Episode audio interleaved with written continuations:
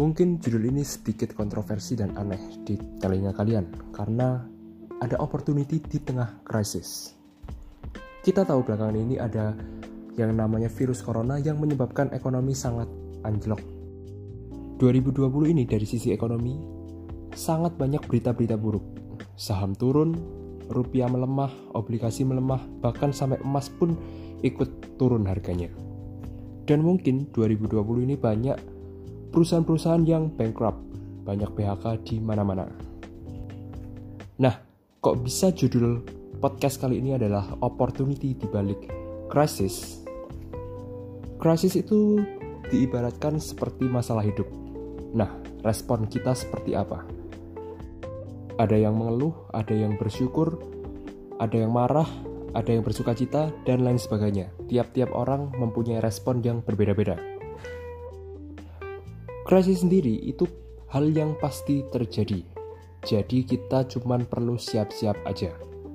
Misalnya, tahun 1987 ada yang namanya Black Monday. Chrismon 97 sampai 98 misalnya. Terus yang baru-baru ini juga GFC Global Financial Crisis tahun 2008. Hal-hal ini pasti terjadi seperti yang di podcast sebelumnya yang berjudul Make Money is Just a Game. Setelah selesai krisis, ekonomi akan melonjak gila-gilaan. Misalnya, dalam 5 tahun 2008 sampai 2012, Cepin atau Jaren Pokpan itu harga sahamnya meningkat 6.700%. Lipo Cikarang naik sampai 5.400%. Media Nusantara Citra atau MNCN 3.000%. MAPI juga Mitra Adri Bekasa 3000% dan Alam Sutra Reality Indonesia itu naik sampai 2000%.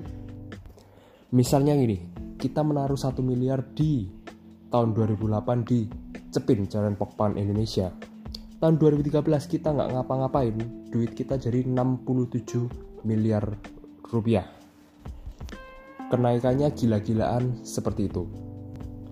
Alumni-alumni krisis yang ada di Indonesia, contohnya aja ya, ada Pak Sandiaga Uno, tahun 1997 itu mendirikan Saratoga Investama Sedaya atau SRTG. Dia berinvestasi di Adaro Energy sampai sekarang. Lalu yang kedua ada Gita Wijayawan. Tahun 2008 dia bikin Ancora Capital Management. Dia berinvestasi di saham OKAS atau Ancora Indonesia Resorts. Nah, krisis ini sebenarnya melahirkan orang-orang kaya baru. Di mana pun itu, kita tidak perlu membuat venture capital atau perusahaan untuk berinvestasi di mana pun itu. Kita cuma perlu untuk mengatur portfolio kita, bagaimana kita bisa mencari saham yang akan multi bagger seperti contoh-contoh di atas.